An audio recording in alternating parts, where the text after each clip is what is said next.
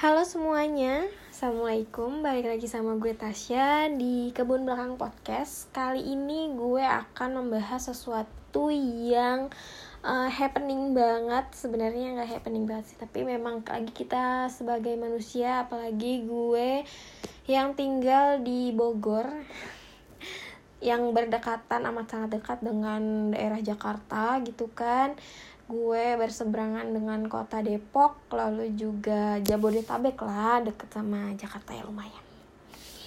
Kali ini gue bakalan ngebahas sesuatu yang hmm, apa ya membuat gue akhir-akhir ini sedang berandai-andai gitu kan. Gimana nih keadaan lo semua dengan keadaan pandemi kayak gini? Pasti kan stres dan capek banget.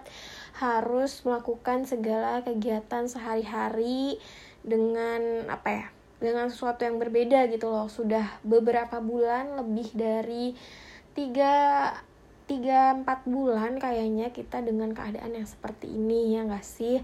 Lo stres gak sih dengan keadaan segalanya serba dibatesin dan serba nggak jelas kayak gini? Jujur aja kali ini gue kita akan berandai-andai. Kalau misalnya 2020 ini akhir tahun ini eh, nggak ada pandemik itu gimana? Kalau gue karena ya di tahun 2020 ini adalah tahun terakhir gue berkuliah. At least awal tahun kemarin bulan Februari Maret itu gue um, ngerjain apa namanya praktek kuliah magang uh, alhamdulillah pada saat itu belum ada pandemik belum ada covid-19 ini. Jadinya gue uh, masih berjalan berjalan amat sangat normal pada saat itu. Tapi buat lo semua yang harus magang atau praktek kerja gimana nih? Di saat pandemik kayak gini lo gimana? Kan kalau gue sekarang sudah bekerja gitu kan dan ya lebih banyak di kantor dan semoga aja terus menerus gue di kantor terus gitu kan. Uh, dengan protokol kesehatan yang juga cukup ketat gitu ya dan keparnoan gue yang juga cukup luar biasa gue um, kalau gue di ruangan karena ya satu ruangan gue itu ada orang yang apa ya sering banget bolak-balik ketemu banyak orang jadinya ya gue juga harus menjaga itu karena ya gue bukan orang yang punya daya tahan tubuh yang kuat gitu kan. Gue punya daya tubuh gue tuh lemah banget. Uh, dengan background kesehatan gue yang macem-macem gitu kan. Jadinya ya gue harus menjaga dan menjadi was-was banget gue karena lingkungan gue apalagi di daerah sini. Gue kan tinggal di daerah Bogor di daerah Cibinong ya kan uh, super duper banyak banget klaster covid klaster corona di sini. Jadinya gue agak was was karena ya pertama gue kan apa ya antibody gue tuh jelek banget kesehatan gue tuh jelek banget. Jadi gue harus menjaga itu dengan rutinitas gue yang uh, super padat dan tingkat stres yang amat sangat luar biasa tentunya. Hmm, awal tahun kemarin disambut dengan baik-baik aja, gue magang baik-baik aja, terus tiba-tiba COVID-19 seperti ini mulai apa ya apa ya kedengarannya mulai terdengar pada saat gue ngerjain tugas akhir. Kalau lo tahu gue kan uh, berpendidikan di bidang arsitektur diploma arsitektur jadinya pada saat gue kerja praktek yang diharuskan diharuskan gue mengerjakan kerja kerja praktek eh kerja praktek lagi. Diharuskan saat gue mengerjakan tugas akhir itu diharuskan uh, di kampus di studio kampus. Tapi dikarenakan pandemi gue harus mengerjakan tugas akhir gue di rumah. Enak nggak enak sih? Enak nggak enaknya adalah tugas akhir gue ini luar biasa banget susahnya apa ya ke tingkat kesulitannya dibandingkan tugas besar tugas besar lainnya. Di semester semester semester sebelumnya ini tingkat kesulitannya amat sangat tinggi menurut gue karena bangunannya belum pernah gue coba bangun. At least ini adalah bangunan tinggi gambar kerjanya banyak banget dan ya RAB-nya segala macam juga pasti kan juga banyak gitu kan. Dan gue harus mengerjakan selama kurang lebih 3 sampai tiga setengah bulan lah. Tiga setengah bulan sampai empat bulan gue kerjain tugas akhir gue yang amat sangat ngebut banget ya kan. Tingkat stres yang amat sangat tinggi. Alhamdulillahnya gue orang yang nyaman di rumah nyaman di ruangan jadinya gue tidak terlalu stres dengan kayak aduh nggak bisa ke mana-mana segala macam kayak gitu. Gue tidak stresnya tidak di situ tapi lebih kepada stresnya karena tugas akhir gue yang tingkat kesulitannya menurut gue itu tinggi banget tinggi banget dibandingkan tugas-tugas besar gue sebelumnya jadinya tingkat stresnya sebenarnya di situ terlebih lagi nggak ada orang yang bisa gue tanyakan karena ya di rumah kalau misalnya di studio atau di kampus kan gitu kayak kita ketemu sekali seminggu sekali atau ya mungkin harusnya studio setiap hari gitu loh ketemu setiap hari. Harusnya uh, apa namanya bisa ketemu orang ngobrol nanya sama mereka tapi ya ternyata tidak bisa. Jadinya ya itulah terus setelah itu tugas akhir yang jelas pasti adalah sidang. Jadi gue um, termasuk lulusan corona yang mungkin orang pikir gampang ya lulusan corona tapi ya menurut gue lulusan corona malah tambah susah. Say harus gue yaitu gue harus sidang online. Kalau lu gimana? Mungkin lo anak sekolahan atau pekerja lo harus bekerja online menurut lo gimana? Kalau misalnya gue kan tugas akhir kan asistensi kayak gitu ya ketemu dosen kayak gitu itu gue kirim via email. Kalau misalnya lo yang bekerja lo gimana? Apakah harus zoom setiap hari? Apakah walaupun keadaan lo di rumah lo harus pakaian rapi? Atau mungkin lo malah tidak dibatasin gitu loh tidak tidak punya batasan kayak seperti biasa aja hidup lo sebelum atau sesudah corona datang ini itu gimana kalau gue karena ya gue harus sidang online yang aduh harus ditampilkan semua isi tugas akhir gue at least ada 400 lebih halaman yang mana ya beberapa nya harus gue jelaskan dan gue gue slide gitu loh. Dan itu ya yang menurut gue kayak ya Allah harus 400 halaman gue jelasin kurang lebih selama kurang lebih satu jam atau berapa puluh menit. Gue lupa pada saat itu ya setelah sidang jelas pasti ya kalau misalnya dinyatakan lulus kan wisuda yang mana. Pada saat kali ini gue wisuda online. Mungkin sudah gue ceritakan di podcast podcast gue sebelumnya gimana sidang online eh wisuda online gue seperti apa lo bisa dengerin langsung.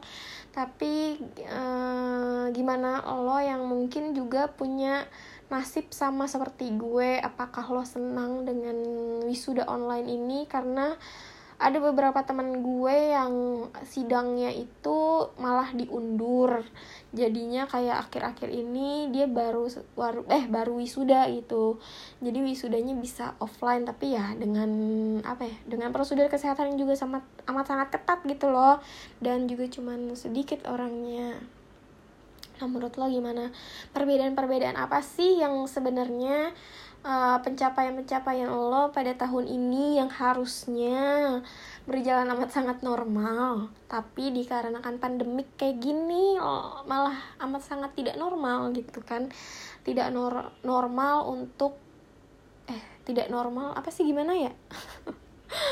Amat sangat tidak normal untuk kembali normal gitu kan? Nah itu gimana lalu um, liburan. Oh ya gue tuh ngeplan setelah gue wisuda atau setelah gue sidang gue kan tidak berencana untuk ikut wisuda gitu kalau dengar cerita. Gue tuh pengen banget liburan tapi nyatanya karena pandemi kayak gini liburan gue gak bisa. Dan juga kedua karena ya kesehatan gue juga nggak se apa ya imunnya tidak sekuat orang-orang. Gue kan punya imun yang mungkin di bawah standar orang-orang. Jadinya ya gue harus menjaga diri gue sendiri dan juga ngejaga lingkungan gue biar tidak menjadi klaster gitu kan. Jadinya aduh gue nggak bisa liburan. Padahal lo tau gak sih gue ngerjain tugas akhir itu super stress super tertekan banget because I'm not really love that gitu kan ya lo tahu dan uh, sehingga jadinya gue nggak liburan nggak bisa liburan atau ya emang nggak liburan lebih tepatnya karena karena gue udah stres gue udah ngumpulin duit udah ini segala macem dan gue kira kayaknya pandemi ini bakal long time banget panjang banget dan ya emang nggak ada apa ya kayak kita nggak punya tahu gitu loh kapan nih ini semua tuh akan berakhir ya nggak sih? Lo ngerti kan? Walaupun misalnya orang aduh liburan ke misalnya ke villa atau apa tapi Hah, di saat yang seperti ini mengharapkan seperti itu resesi segala macem ya karena kalau kemarin gitu kan belum ada berita-berita resesi segala macem ya. Jadinya gue memutuskan untuk kayak aduh udah nggak bisa ke mana-mana mau keluar aja. Misalnya kayak ke Indomaret depan rumah gue depan perumahan gue super ribet banget harus pakai masker hand sanitizer cuci tangan gitu. Jadinya gue memutuskan untuk kayak beralih ya istilahnya pelampiasannya ke tempat lain kayak gitu. Jadi gue tidak jadi liburan. Padahal sedih banget gue tuh sudah membayangkan liburan ke Banyuwangi. Aduh udah gue hitung-hitung biayanya segala macem. Nah kalau lo semua gimana? Mungkin lo ada plan-plan keinginan lo yang malah jadinya lo cancel juga. Gimana? Kalau gue kayak gitu karena gue jadi kayak sedih banget. Karena jadi kebayang-bayang tuh Banyuwangi itu belum masih kebayang-bayang di pikiran gue. Jadinya belum kesampaian sampai sekarang.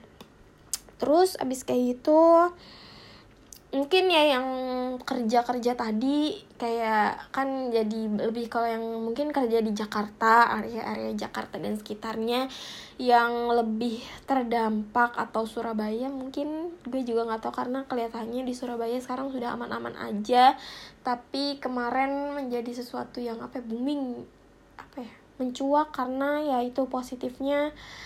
Pada situ positif coronanya amat sangat tinggi tapi sekarang sih kayaknya udah stabil ya karena udah penyesuaian imun tubuh di sana. Jadinya udah oke okay kayaknya kalau sekarang. Tapi kalau yang lagi mencuat lagi yang lagi tinggi ya daerah Jakarta ini. Jadinya gimana pekerjaan lo semua orang yang di Jakarta atau dan sekitarnya hidup lo pada saat pandemi kayak gini apa yang berubah? Atau ya lo sekarang lagi di kasur-kasur aja ngerjain tugas ngerjain kerjaan. Gimana? Atau malah lo di saat pandemi gini lo di rumah aja jadi bosen eh, lo membuka usaha membuka usaha-usaha baru prospek-prospek kerja baru atau gimana atau ya sebenarnya kalau misalnya usaha sekarang menurut gue pada saat kemarin sih di saat pandemi kayak gini semua orang di rumah semua orang juga bingung mau ngapain sebenarnya udah jadi prospek yang bagus juga ya. Kita jadi membuka lapangan pekerjaan untuk orang lain juga. Dan ya gue kalau misalnya beli barang dari teman-teman gue atau gimana kan juga jadi membantu perekonomian mereka yang mungkin terganggu pada saat pandemi kayak gini. Mungkin ada lo atau sebagian dari lo teman-teman lo yang ekonominya terganggu pada saat pandemi kayak gini. Ya kita sebagai orang terdekat sebagai orang yang mungkin terlihat mampu pada saat ini ya saling tolong menolong ya itu penting gitu kan bagi orang-orang yang terdampak. Hmm, buka usaha usaha itu prospek yang bagus tapi mungkin dalam jangka panjang sampai mungkin nanti itu juga menjadi harus difikirkan lagi karena sudah ada berita-berita resesi yang katanya katanya menuju ke depresi itu kan ekonominya mau anjlok kayak gitu. Dan gue juga mempersiapkan makanya gue kuat-kuatin gitu kan bekerja kuat-kuatin nyari duit walaupun gue nggak cinta-cinta banget walaupun gue amat sangat tidak menyukai ini semua. Uh, ya demi cuan. Demi cuan lo tau kan demi duit ya penting gue dapet duit kayak gitu. Makanya ya hiburannya setelah Senin sampai Jumat gue ketemu banyak orang dan itu capek banget. Dan gue mulai bosen dengan segala rutinitas nggak ada yang baru. Dan ih gue nggak suka banget gitu kan uh, Sabtu Minggu ini gue mencoba untuk ya with myself gitu kan. Take care of myself segala macem. Walaupun ya sebenarnya gue juga ngapa-ngapain aja. Gue mau beres-beres kamar aja. Males karena udah sabtu minggu gue udah capek banget. Uh, karena berita resesi ini juga jadi semakin stres ya kan? Atau di saat pandemi kayak gini apalagi gue yang baru lulusan kuliah gitu kan belum dapat pekerjaan mungkin uh, lo ikut-ikut pelatihan karena ya gue setiap sabtu minggu juga kadang-kadang gue ikut seminar ikut uh, pelatihan secara online. Gue juga ikut-ikut itu karena ya gue tidak suka dengan pekerjaan gue. Ya satu-satunya pelarian ya gue harus uh, ikut seminar online. Apa yang gue suka menulis uh, bidang-bidang broadcasting segala macam atau ya di bidang gue tapi yang lebih kepada kurikulum. Gue kan suka pendidikan segala macam. Jadinya gue ikut-ikut seminar ya di bidang-bidang seperti itu. Yang kadang gue juga nggak tahu nih isi seminarnya tuh apa tapi gue ikut-ikutan aja sebagai ya gue udah capek dengan segala macam di hidup gue jadi gue ikut-ikut pelatihan itu. Nah lo menurut lo pelatihan sekarang kan dipermudah nih yang biasanya uh, apa namanya yang biasanya harus langsung offline segala macem tapi semuanya di online kan. Dan banyak banget pelatihan dari pemerintah yang gue tahu juga sekarang ya kan gue nyari-nyari pelatihan segala macem yang dilakukan secara offline. Cuman masalahnya adalah karena kartu prakerja itu jadi banyak pelatihan yang ditunjukkan hanya untuk yang mendapatkan kartu prakerja. Sedangkan yang tidak at least kan gue dalam tanda kutip kan gue juga bekerja ya walaupun gue tidak suka dengan pekerjaan gue tapi kan gue juga ingin ikut pelatihan jadinya cukup terbatas di situnya tapi ternyata juga banyak-banyak pelatihan lain misalnya dari Google yang ya pelatihan-pelatihan swasta gitu loh jadinya tidak pelatihan secara dari yang dalam negeri dari kementerian segala macam sebenarnya itu banyak cuman apa mungkin gue nggak tahu waktunya waktu-waktunya sudah kelewat atau gimana gue juga nggak tahu. Tapi yang jelas uh, lebih memberikan peluang kepada orang-orang yang memiliki kartu prakerja prakerja seperti itu. Uh, sebenarnya yang banyak banget ya yang bisa syukuri dari pandemik ini kita bisa berkumpul sama keluarga segala macam uh, bisa punya rutinitas baru di rumah tapi ya sebenarnya ada beberapa mungkin daerah yang tidak merasakan itu. Jadinya mungkin terlihat sama-sama saja tapi gue yakin akan ada yang berbeda pasti. Mungkin saat lo mencari pekerjaan banyak pekerjaan-pekerjaan yang uh, apa ya menjadi lebih detail penilaiannya menjadi cara perekrutannya berbeda dengan yang lain. Mungkin ada yang wawancara pekerjaan dengan cara offline biasanya ketemu langsung dengan HRD-nya harus ke kantornya segala macam. Tapi sekarang dikerjakan secara online. Mungkin ya itu bisa jadi keuntungan juga bisa juga jadi uh, kekurangan buat lo. Lah lo gimana sekarang? Ngadepin itu semua. Mungkin ini tidak akan lama lagi akan berakhir atau mungkin akan lebih lama lagi dengan keadaan yang seperti ini. Mungkin saja pandeminya selesai tapi ternyata ada masalah-masalah baru lain. Mungkin ya kan seperti yang gue udah bilang akan ada resesi ekonomi menurun menjelek memburuk gitu kan.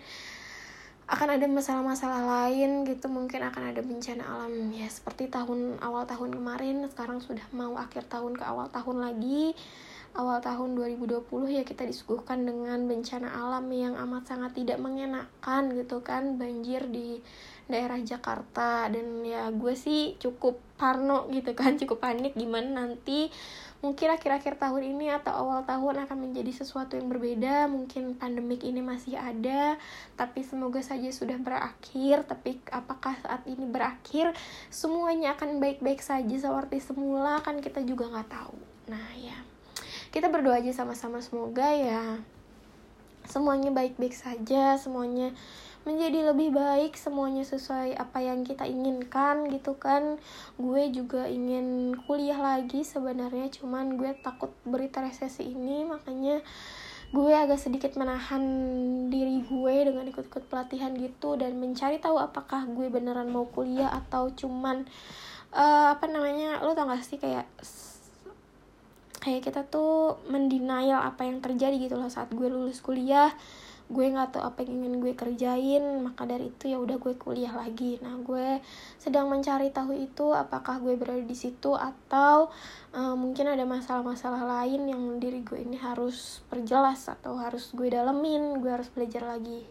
Seperti itu So thank you sudah mendengarkan bacotan gue kali ini. Kita berandai-andai tentang 2020 akan seperti apa dan menjelang 2021 gimana uh, plan-plan lu, keinginan-keinginan lu, apakah lo akan apa ya melanjutkan keinginan 2020 yang tidak terlaksana atau kita akan buat plan-plan baru lagi gitu ya. Semoga sih plan-plan yang kita buat yang kalian buat yang lo semua buat bisa berjalan dengan baik dan semoga bermanfaat buat semuanya buat diri lo sendiri buat orang lain dan semua yang kita inginkan. Uh, pandemik ini segera selesai semuanya segera baik-baik aja ekonomi baik-baik aja uh, kehidupan gue juga baik-baik aja kehidupan lo juga baik-baik aja semakin baik semakin ya membaik semuanya So thank you jazakumullah khairan sudah mendengarkan. Uh, mungkin sekian dari gue. So ya, yeah. wassalamualaikum warahmatullahi wabarakatuh.